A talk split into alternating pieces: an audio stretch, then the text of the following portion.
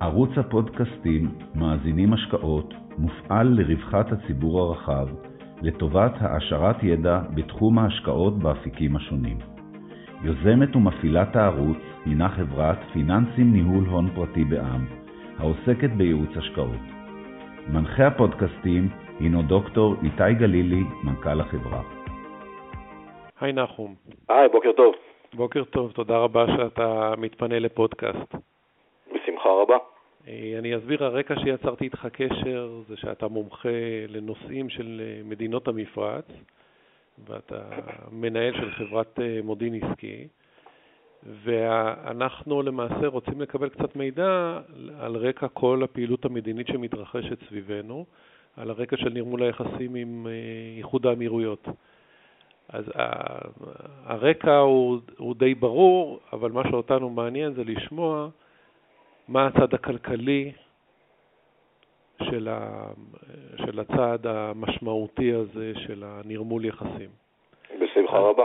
אז בוא נתחיל שנשמע קצת על הפעילות שלך, ומה אתה עושה ומה הרקע שלך. אוקיי, okay. אוקיי, okay, okay, שלום, אה, בוקר טוב ושלום לכל מאזיני הפודקאסט. אה, אני רוצה קודם כל להודות למר איתי גלילי על אה, שהזמין אותי לדבר. אנחנו, אני, שמי דוקטור נחום שילה. אני בעלים ומייסד של חברת המודיעין העסקי גלובל אוסינט, חברה שמתמחה באיסוף מידע, איסוף וניתוח מידע, בדגש על רשת האינטרנט מכל השפות ובכל הרזולוציות. יש לנו התמחות ספציפית בעולם הערבי ובעולם האסלאמי. סליחה. הדוקטורט שלי אה, היה על אה, מדינות המפרץ, אני מומחה בתחום אה, מדינות המפרץ, זה התחום האקדמי שלי. למדתי לימודי ערבית ומזרח תיכון תואר ראשון ושני, ואת התואר השלישי שלי, את הדוקטורט, סיימתי בשנת 2015, כתבתי על שינויים חברתיים בסעודיה. מעבר לזה, אני מומחה בכל מיני תחומים כלכליים רלוונטיים שעליהם נדבר היום בפודקאסט, כמו כלכלה אסלאמית, בנקאות אסלאמית, אה, איך עושים עסקים במדינות המפרץ, ואנחנו גם נדבר על מה, אה, על האם הישראלים באמת צריכים להסתער אה, ללא הבחנה לשוק הזה, או שצריכים לגשת לזה יותר בזהירות. אמ, אז היום אנחנו קודם כל נתחיל קצת בהיכרות אה, לאור ההסכם המדיני שהולך להיחתם אה, בין ישראל לאיחוד האמירויות. אנחנו אה, ניתן בהתחלה נתונים כלליים, מי זאת איחוד האמירויות, מי זאת מדינת איחוד האמירויות הערביות. אז השם המלא של המדינה זה מדינת האמירויות הערביות המאוחדות, היא נקראת uh, איחוד האמירויות בשפת, ה, בשפת הסלנג. אה, עכשיו, מה זאת המדינה הזאת? היא מדינה שממוקמת אה, בחצי האי ערב, אה, במפרץ הפרסי, והיא בעצם, השטח שלה הוא פי, פחות או יותר פי ארבע משטח מדינת ישראל. האוכלוסייה שלה היא כמו מדינת ישראל פחות או יותר, משהו כמו בין תשעה לעשרה מיליון תושבים. זאת מדינה שקיימת רק 50 שנה. 49 שנים, היא קיבלה את העצמאות שלה מבריטניה בשנת 1971, אה, ובעצם אה, מאז היא מדינה עצמאית. עכשיו, אה, זאת מדינה ש... יש לה בעצם, היא מורכבת מ... היא לא מדינה הומוגנית, היא מורכבת משבע אמירויות. אנחנו בישראל מכירים שתיים מתוך השבע, את אבו דאבי, שזאת האמירות הכי גדולה, ואת דובאי, מכירים אותה כבירה אה, הכלכלית, אבל יש עוד חמש, עוד חמש אמירויות שרוב הישראלים לא שמעו עליהן מעולם. אה, השמות שלהם זה שרג'ה, עג'מן, ראס אל חיימה, פוג'רה ואום אל-קיוויין. עכשיו, זה שלא שמעו עליהן מעולם זה לא אומר שהן לא רלוונטיות, להפך, הן מאוד רלוונטיות, יש בהן פעילות uh, כלכלית מאוד מאוד ענפה, זה, זה נסיכויות שמחוברות, uh, מה שנקרא, לעולם המדיני והכלכלי, אבל פשוט uh, בישראל לא, לא, כל כך, uh, לא כל כך שמעו עליהן. עכשיו, איך, איך בנוי המבנה הפוליטי של איחוד האמירויות זה חשוב בשביל, גם בשביל עשיית עסקים. אה, כמו שאמרתי, זה, אה, זה פדרציה של שבע אמירויות, שבכל אמירות עומד בעצם שליט, שייח', אה, שהשלטון שלו עובר בירושה, זאת אומרת, זה שלטון שמשפחה, משפחות ששולטות כבר מאות, מאות שנים באמירות, ובעצם לכל אמירות יש אוטונומיה בשאלות, בנושאים של, מדינו, של מדיניות כלכלה, חברה ודת, שזה מאוד מאוד חשוב, כי האוטונומיה הכלכלית שלהם הופכת כל אחת מהם בעצם לישות כלכלית נפרדת. אה, והדבר היחיד שמשותף לכל הפדרציה זה מדיניות חוץ והגנה אה, של האמירויות. אה,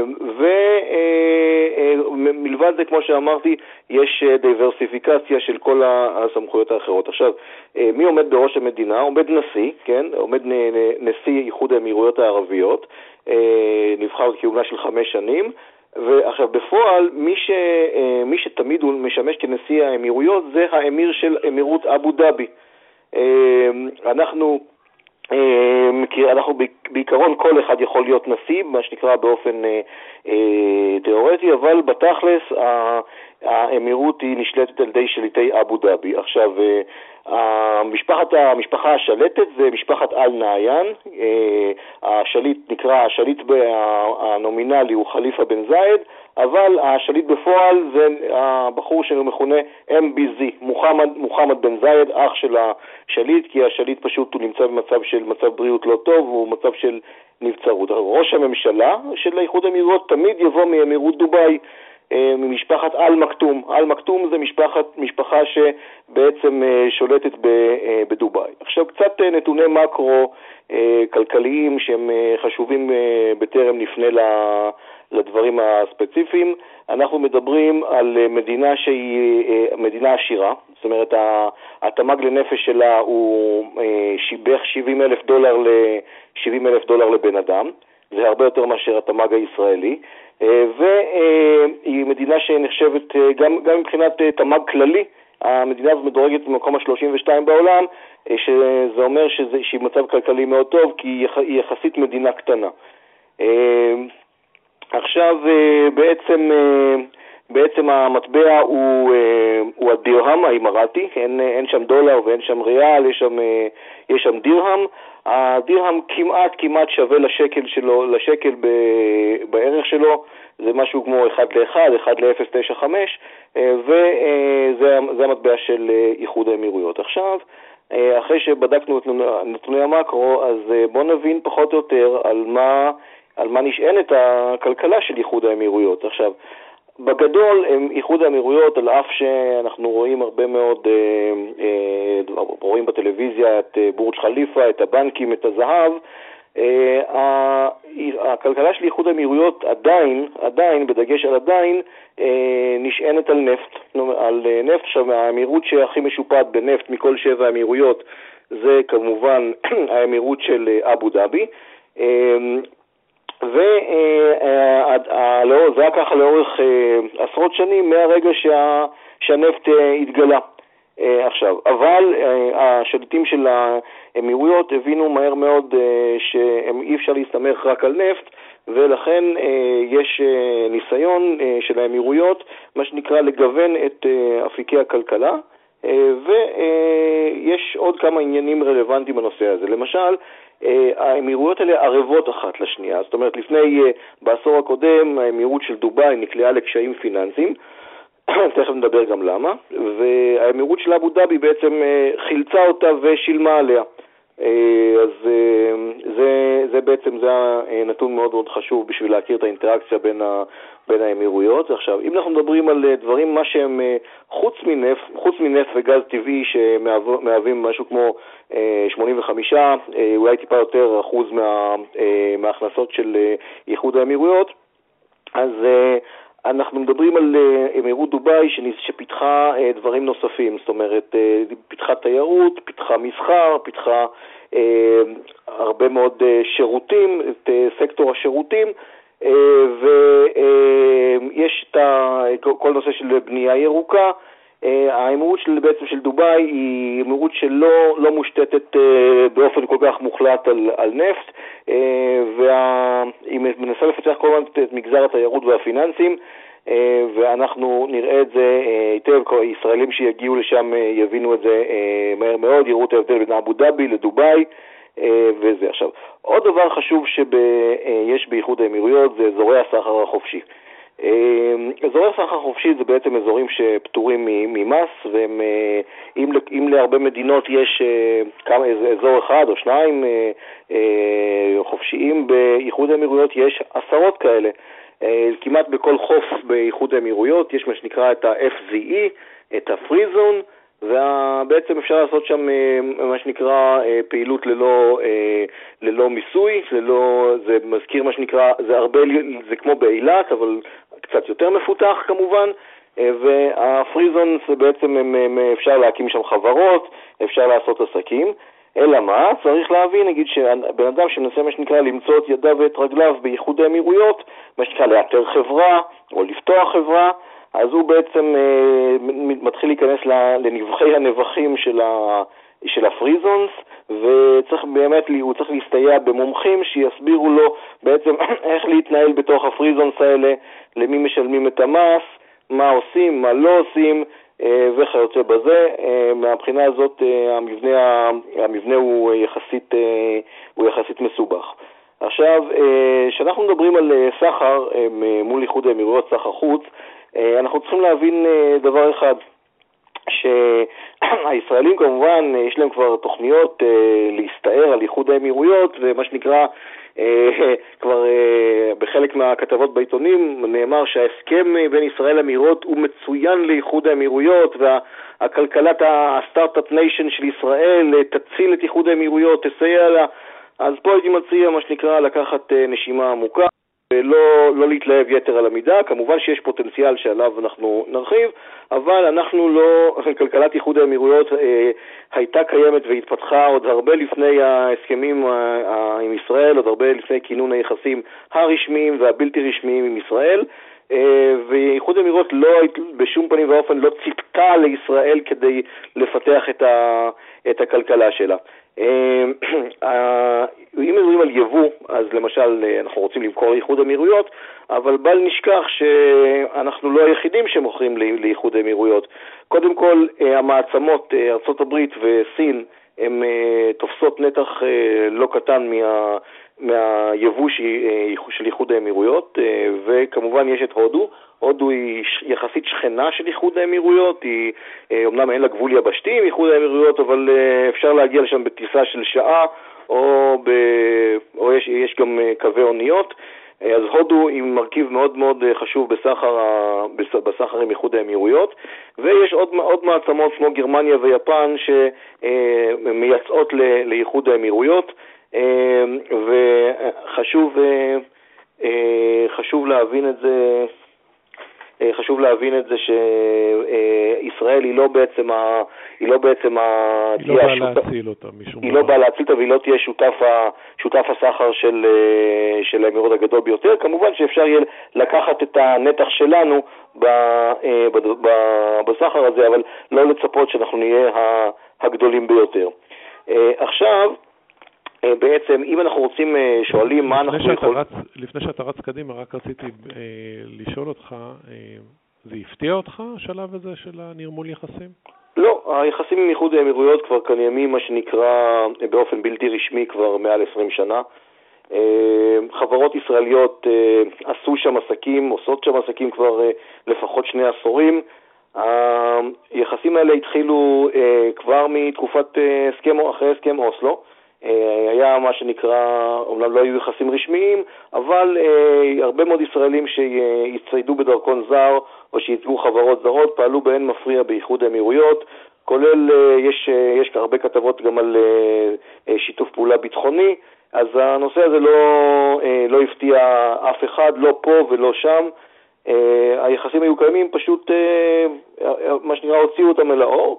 זה מזכיר במידה מסוימת את היחסים עם ירדן, שהרי גם עם ירדן היה הידברות והיה שיתוף פעולה לפחות ביטחוני אה, כבר משנות ה-70, אבל רק ב-1994 חתמו על הסכם שהפך את, ה, את היחסים לרשמיים. עכשיו, כמובן שהפיכת היחסים לרשמיים היא תועיל מאוד, היא תועיל מאוד לפשט את פעילות הסחר.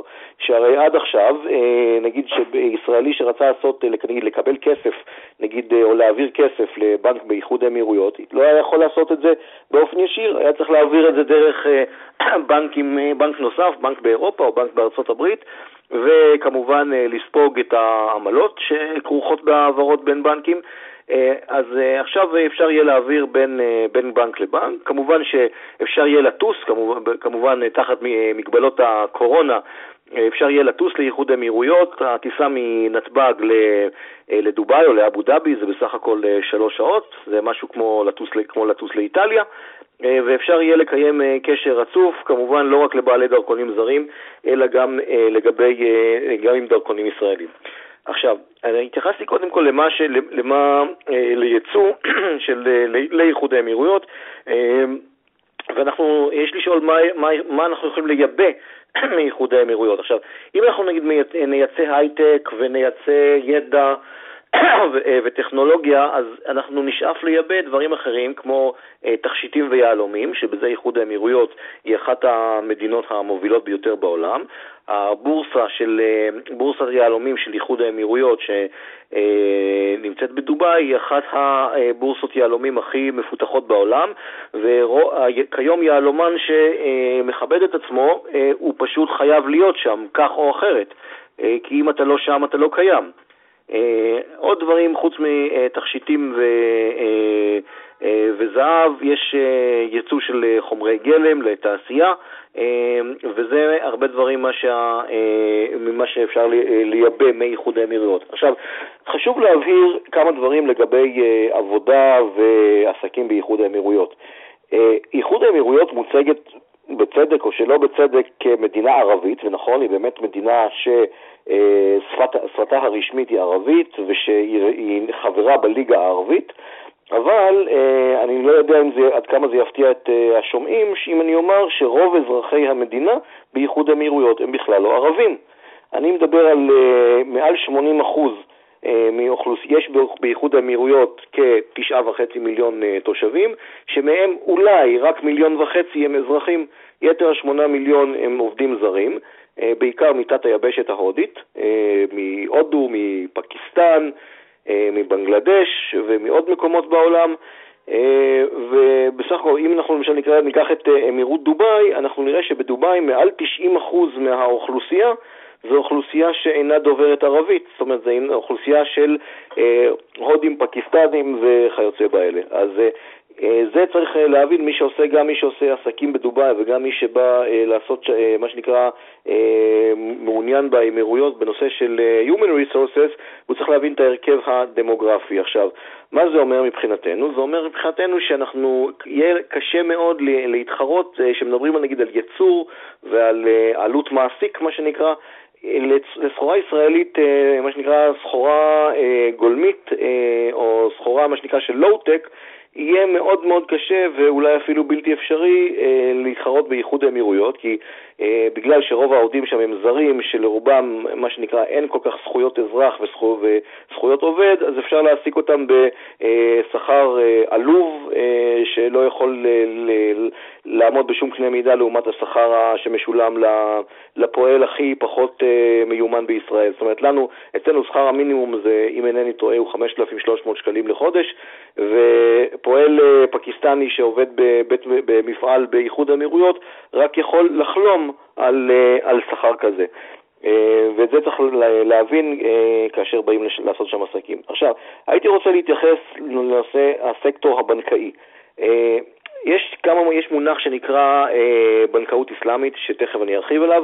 עכשיו, הרבה ישראלים נורא מתלהבים מהבנקים באיחוד האמירויות, מה, מהפיננסים, וזה באמת מערכת פיננסית מאוד מאוד אה, מפותחת. אה, שעליה מושתת חלק מהעושר הלאומי של איחוד האמירויות, אבל אה, חייבים לשים אה, מה שנקרא לפחות שתי כוכביות. מערכות פיננסיות שהן מתפקדות מצוין בתקופות שגשוג, אבל במשברים כמו במשבר הסאב פריים שהתחיל בעולם בסוף 2008, אה, המערכות האלה הרבה פעמים נתקלות בקשיים, וגם כיום בתקופת משבר הקורונה הבינלאומי, המערכות הבנקאיות מאותגרות. עכשיו, עוד דבר, עוד כוכבית שצריך לשים uh, בנושא של uh, שיתוף פעולה עם איחוד האמירויות בתחום הפיננסי, זה נושא הבנקאות האסלאמית או הכלכלה האסלאמית, מושג שלרוב הישראלים אין שמץ של מושג מה זה. אז אני אסביר. יש לנו בנקים רגילים, זה בנקים שמוכרים לנו בארץ ובאירופה ובארצות הברית, זה בנקים שעובדים כמו שבבנק ישראלי עובד, זה עובד על עיקרון של ריבית. אם יש לי למשל אה, משיכת יתר, אוברדרפט, הבנק יגבה, יגבה ממני ריבית, ועל כל דברים נוספים שהבנק עושה, הוא בעצם מתנהל עם הלקוח אה, על פי עיקרון הריבית. אה, וזה מה שמחזיק אה, הרבה מאוד אה, מהבנקים. אם הבנק נותן לי אשראי, אז הוא לוקח, לוקח את זה חזרה עם ריבית, אם הבנק נותן לי הלוואה, ואוברדרפט כבר דיברנו. עכשיו, בבנק אסלאמי, מה זה בנק אסלאמי? בנק אסלאמי זה בנק שמושתת על עיקרון השריעה, ההלכה האסלאמית, ובהלכה האסלאמית אסור, בתכלית האיסור, לקחת ריבית ולשלם ריבית. אה, ואז תשאלו שאלה איך בעצם עושים עסקים בבנקים אה, מול מערכת בנקאית אסלאמית, שמהווה אה, אחוזים נכבדים מהמערכת הבנקאית באיחוד האמירויות, אז יש הרבה מאוד שיטות לעקוף את האיסור של הריבית בכל מיני כלים. למשל, אחד הכלים נקרא בערבית מורבחה. המורבחה זה בעצם עשיית עסקה עם מה שנקרא רווח, רווח שעליו הוחלט מראש. כמובן שזה יישמע כמו ריבית, ויכול, והרבה אנשים באמת יגידו, הלו זה ריבית, אבל למעשה אה, טכנית זה לא ריבית. זאת אומרת, מה זה, אני אתן לכם דוגמה לעסקה של אה, מורבחה. אה, אם אני, אם אני נגיד בנק ואני, והלקוח רוצה לקנות מכונית דרך הבנק, אז הבנק לוקח, נגיד המכונית עולה 100 אלף דירהם. 100 אלף דירהם אימראטי. אה, הלקוח אין לו זמן ואין לו סבלנות לחפש את המכונית, להביא אותה לבדיקה, אה, לטפל במסמכים, אז הוא מסכים עם הבנק שהבנק ירכוש לו את המכונית והלקוח ישלם לבנק נגיד 105 אלף דירהם. אה, עכשיו, תגידו, אוקיי, זה ריבית, אז מה עשיתם? אבל הבנק, אבל הבנק אומר לו, א', בגלל שזה לא באחוזים, אלא במספרים מוחלטים, אז, אז זה לא ריבית, אה, וב', אנחנו מחשיבים את זה כעמלה. הבנק עבד, השקיע שעות עבודה בלסדר ללקוח את כל אה, הליכי קניית הרכב, ולכן אה, זה לא ריבית. עכשיו, שימו לב שאני הזכרתי פה עסקה של קניית, שהבנק קונה עבור הלקוח משהו. בישראל זה לא קיים. אה, מאז אתה אומר משבר... שיש אה, תמורת המרת הריבית, יש ערך מוסף של שירות, אתה כאילו נותן שירות נוסף שהוא... בדיוק, בדיוק. שהוא מבטל את הריבית. בדיוק. עכשיו, שימו לב שדיברת פה על, על אה, מצב שבו בנק רוכש מוצר עבור הלקוח, בישראל זה לא קיים. מאז משבר מניות הבנקים בשנות, בתחילת שנות ה-80, הבנקים בישראל, לבנק בישראל אסור למכור מוצר ללקוח. הבנק נותן שירות ולא מוכר מוצר. בבנקים אסלאמיים זה בדיוק ההפך, רוב הפעילות שה...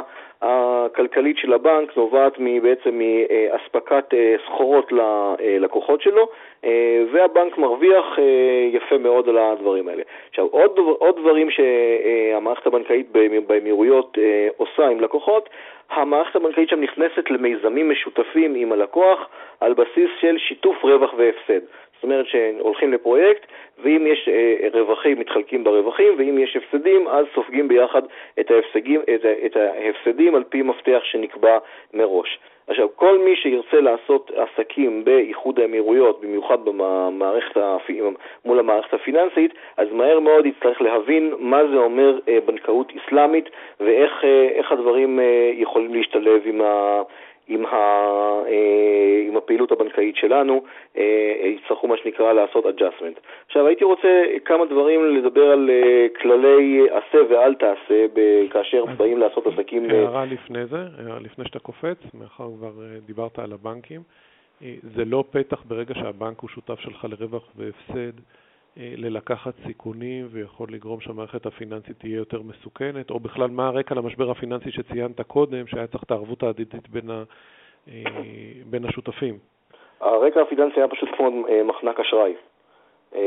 כמו בכל העולם, המערכת הבנקאית בדובאי סבלה ממחנק אשראי והייתה צריכה בעצם חילוץ, כמו שבארצות הברית למשל הממשל האמריקאי חילץ כל מיני בנקים אז אה, גם באיחוד האמירויות בעצם קופתה של אמירות דובאי התרוקנה והיה צריך מה שנקרא לגבות את זה אה, בהזרמות כספים מאמירות אבו דאבי.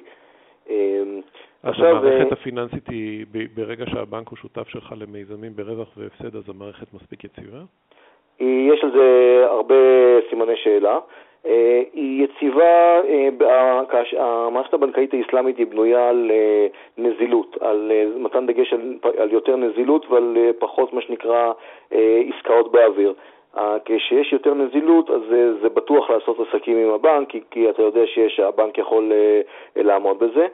עכשיו, אני חייב לומר שהבנקאות האסלאמית היא טובה פחות לעסקאות לטווח ארוך, כמו משכנתאות. אבל היא טובה מאוד לעסקאות לטווח קצר, ואחד היתרונות שלה, שאין בה בכלל דיונים משפטיים, הכל נקבע בבוררות. כל סכסוך עסקי שם שמושתת על כלכלה אסלאמית, הוא, הוא מוכרע במידה שיש אה, אי הסכמות, הוא אה, מוכרע על ידי בורר ולא על ידי בית משפט, דבר שחוסך אה, הרבה זמן וגם הרבה כסף לשני הצדדים. עכשיו, ברשותכם, אני אעבור קצת לדבר על כללי עשה ואל תעשה כן. באיחוד האמירויות, במיוחד בפעילות העסקית, וזה חשוב מאוד שאנשי עסקים ישראלים יבינו את זה, כי לנו, מה לעשות בתור ישראלים, יש לנו הרבה תכונות טובות, אבל יש גם תכונות פחות טובות, אה, שאנחנו אה, לפעמים... אה, מה שנקרא, נוהגים לפי שיטה של קדימה הסתער, והרבה פעמים שוכחים את הנימוסים שלנו וחושבים שאנחנו המצאנו את העולם. אז זהו, שאנחנו לא המצאנו את העולם. לרוב העסקים שמכבדים את עצמם באיחוד האמירויות, אה, יש להם יועצים, גם אם אין להם יועצים מקומיים, אז יש להם את מיטב היועצים אה, האמריקאים והאירופאים, שבעצם אה, הם אנשי מקצוע לעילה ולעילה, והם פשוט מאוד דואגים שהעסק יהיה, שהעסק ידפוק כמו שצריך. האימראטים הם לא מטומטמים, ממש לא, הם אנשי העולם הגדול, האנגלית שם היא שפת חובה בבית, בבתי הספר, במיוחד באמירות דובאי, זאת אומרת כל אדם שנכנס לעולם העסקי, תסמכו עליו שהוא יודע פרפקט אנגלית ויודע, והוא זכה להשכלה הכי טובה במיטב האוניברסיטאות, הרבה מאוד אה, אימראטים לומדים באירופה ובארצות הברית. אה, ככה שהם אה, לא, הם לא מטומטמים, הם יודעים מנהל עסקים, הם יודעים את החשבונאות, הם יודעים את, את כל הדברים האלה, והם גם סוחרים טובים. עכשיו, אני חייב לומר שגם, כמו שציינתי קודם, הגישה של, שבאים לעשות עסקים באיחוד האמירויות צריכה להיות גישה של להצניע לכת ופשוט לכבד את האדם ואת ה, שאיתו אנחנו עושים עסקים. עכשיו, אנחנו צריכים גם מה שנקרא להתחשב בכללי המקום. אה, אלכוהול למשל הוא מותר באיחוד אמירות, לא כמו סעודיה ששם אה, אה, אסור בכלל אלכוהול. שתיית אלכוהול למשל מותרת באיחוד האמירויות, אבל לא בפרהסיה. זאת אומרת, לא ב, לא, אי אפשר לצאת עם בקבוק של בירה ל, לרחוב או לחוף הים, כי אז יבואו שוטרים ויעצרו אותך, אבל אפשר בהחלט לשבת ב, במסעדה או בבר של מלון ולשתות אלכוהול. עכשיו, רגישות אה, מיוחדת לנושא האלכוהול יש בחודש הרמדאן, החודש הקדוש למוסלמים, ששם גם ברמדאן שותים אלכוהול, אבל באמת שותים את זה בחדרים פנימיים, ומה שנקרא, בלי אה, לעצבן יותר מדי את, ה, את האוכלוסייה המקומית. וזה דבר שמאוד מאוד חשוב לישראלים שמה שאנחנו רוצים, מה שנקרא, יש מתכננים אה, לפתוח פרטייה שם, ודברים כאלה. עכשיו, עוד למשל, עוד דברים של אה, כללי התנהגות, למשל, אה, יש שם המון, היחס לנשים שם הוא, הוא יחסית שוויוני יותר מאשר ברוב המדינות הערביות, אבל עדיין המסורת המוסלמית היא מסורת דומיננטית, וזאת אומרת, נגיד, נשות עסקים שבאות לאיחוד האמירויות, אז צריכות להקפיד על, למשל על לבוש צנוע ועל אה, כללי התנהגות אה, אה, שמתאימים לעשיית עסקים בעולם מוסלמי. אז זה דברים שאנחנו פשוט צריכים להבין. עכשיו, זה לא עוד פעם, זה איחוד האמירויות, זה מדינה שהיא מאוד בטוחה לתייר ולאיש העסקים, זה, כוחות הביטחון שם הם מאוד מאוד חזקים, ואין שם שום מקרים, כמעט ואין שם מקרים של פשע רחוב, מה שנקרא street crimes, של שוד, תקיפה, אונס, דברים כאלה, אין שם את הדברים האלה. אה, אם יש שם, אה, עכשיו כמובן שצריך להיזהר מעוקצים כלכליים ויש כל מיני אה, מקומות באיחוד האמירויות שיש סכנת עוקץ שם, במיוחד בשווקי התכשיטים, יש הרבה, הרבה רמאויות סביב הנושא הזה. אבל בגדול, זאת אומרת, גם אם נגיד קורה משהו, יש איזושהי בעיה עסקית, אז uh, המשטרה המקומית יודעת לטפל בזה היטב. עכשיו, אני רוצה טיפה לה, uh, להתייחס, uh, הרבה אנשי עסקים ישראלים uh, תוהים ותמהים, הם אומרים, רגע, בירדן ובמצרים לא כל כך הולך לנו, אמנם יש שלום, אבל האוכלוסייה מתנגדת, האיגודים המקצועיים מתנגדים, ואנחנו מרגישים שלא נוח לנו לעשות עסקים, וזה באמת נכון, בירדן ובמצרים אומנם השלטונות חתמו איתנו על אה, הסכמי שלום, אה, אבל האיגודים המקצועיים שם, ומה שנקרא, מה שמכונה החברה האזרחית, הם עוינים אותנו. למשל בירדן, אה, אי אפשר, האיגודים המקצועיים אוסרים לעשות עסקים עם ישראל, למשל שווטרינר מישראל רוצה נגיד סתם לייצא, למכור לווטרינר בירדן חיסונים לכלב, אז הוא לא יוכל לעשות את זה כי איגוד הווטרינרים הירדנים אה, פשוט אה, יעיף את ה... או ידיח את אותו וטרינר ירדני שיקנה מווטרינר ישראלי אה, סחורה. אם, אם אנחנו נקלעים לסכסוך משפטי בירדן, בין אם פלילי ובין אם אזרחי, אנחנו נהיה בבעיה כי איגוד עורכי הדין הירדני לא מוכן ש...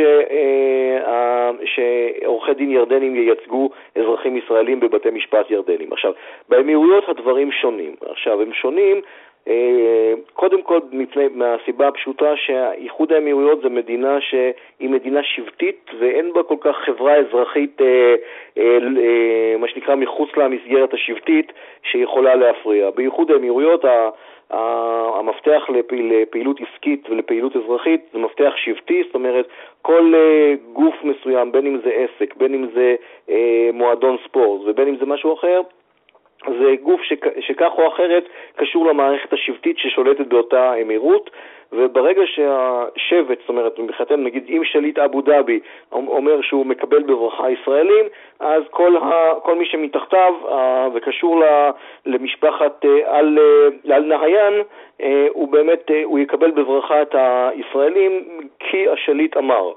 אין, אין שם את הנושא הזה של איגודים מקצועיים, מה שנקרא עוינים, אה, והקרקע שם היא הרבה יותר פוריה לעשיית עסקים מאשר אה, בירדן ובמצרים, וזו נקודה כמובן מאוד מאוד חיובית אה, בפרוספקט הכלכלי שלנו מול, מול איחוד האמירויות. רציתי לשאול אותך, מהניסיון שלך, עד כמה אמרת שתעשייה זהירה או לואו-טק הוא פחות מעניין כי יש בו אה, מן הסתם יכולת תחרות יותר נמוכה, אה, כל הסיבות שאמרת קודם. עכשיו, היתרון היחסי של ישראל הוא כמובן בתחום ההייטק, נכון. וסביר להניח שהם מחפשים את ההזדמנות אה, לצאת למקורות הכנסה שהם לא רק בתחום הנפט, הם מחפשים את השווקים האלה. עד כמה זה ריאלי שאנחנו נראה אנשי עסקים משתתפים ב, ב, למעשה בגיוסי הון של התעשייה המקומית בתחומים ו... של הון סיכון. עד כמה, זה, עד כמה יהיה פוש לדבר הזה? אה, יהיה פוש. אה, הנושא של אה, הון סיכון, של הייטק, זה נושא שהוא מאוד מאוד מפותח באיחוד האמירויות, בדגש על אמירות דובאי, באבו דאבי פחות, אבל בדובאי זה הרבה מאוד. אבל עוד פעם, זה לא מה שנקרא, זה לא אוקיינוס כחול. זאת אומרת, יש שם, יש כרישים בים, והכרישים האלה באים. הם כבר כרישים שעושים שם עסקים בתחום הזה הרבה מאוד שנים. יש כרישים מקומיים ויש כרישים זרים. אה, שכבר נמצאים עמוק שם. האיש, אנשי ניהול הון סיכון בישראל יצטרכו מה שנקרא למצוא את הבידול שלהם אה, מול, מול המתחרים שלהם, זה לא יהיה פשוט כי אה, הכלכלה שם, זאת אומרת, הם, קשה מאוד יהיה למצוא מה שנקרא טריקים חדשים ותרגילים חדשים ש, ש, שלא מכירים, אבל פשוט מאוד יצטרכו מה שנקרא להיות, לתת מוצרים אטרקטיביים וכמובן אה, להיות אה, ישרים כמו סרגל ולעבוד קשה. זאת אומרת, כל מי שחושב שדובאי מחכה לנו, מה שנקרא, עם אה, שטיחים אדומים ועם, ועם ברזים מזהב במלון, אז אוקיי, יש בדובאי שטיחים אדומים ויש בכמה מלונות ברזים מזהב, אבל אה, זה לא מחכה לכל ישראלי, ש... איש, איש, איש עסקים ישראלי שינחת שם. אמ, אז פשוט מאוד יצטרכו להתחיל את החברות שעדיין לא פעילות שם, יצטרכו להתחיל אה, הכל מה שנקרא מההתחלה, לפתוח שם משרד. לעשות יחסי ציבור טובים. נושא יחסי ציבור הוא מאוד מאוד חשוב באיחוד האמירויות, יש חברות גם מקומיות וגם בינלאומיות שעושות שם חברות יחצנות שבעצם מקדמות את האינטרסים ה, של העסקים מתחום הפיננסים שם, אבל זאת אומרת, מצפה לאנשי העסקים הישראלים עבודה מאוד מאוד קשה, אבל עוד פעם, זו עבודה שהיא אפשרית בהחלט, ואני די מאמין שה... שיהיה פעילות של אנשי הון סיכון באיחוד האמירויות. נכון, תודה רבה על הזמן והסקירה המורחבת. תודה לכם. יופי, נשתמע, תודה רבה. שלום, שלום.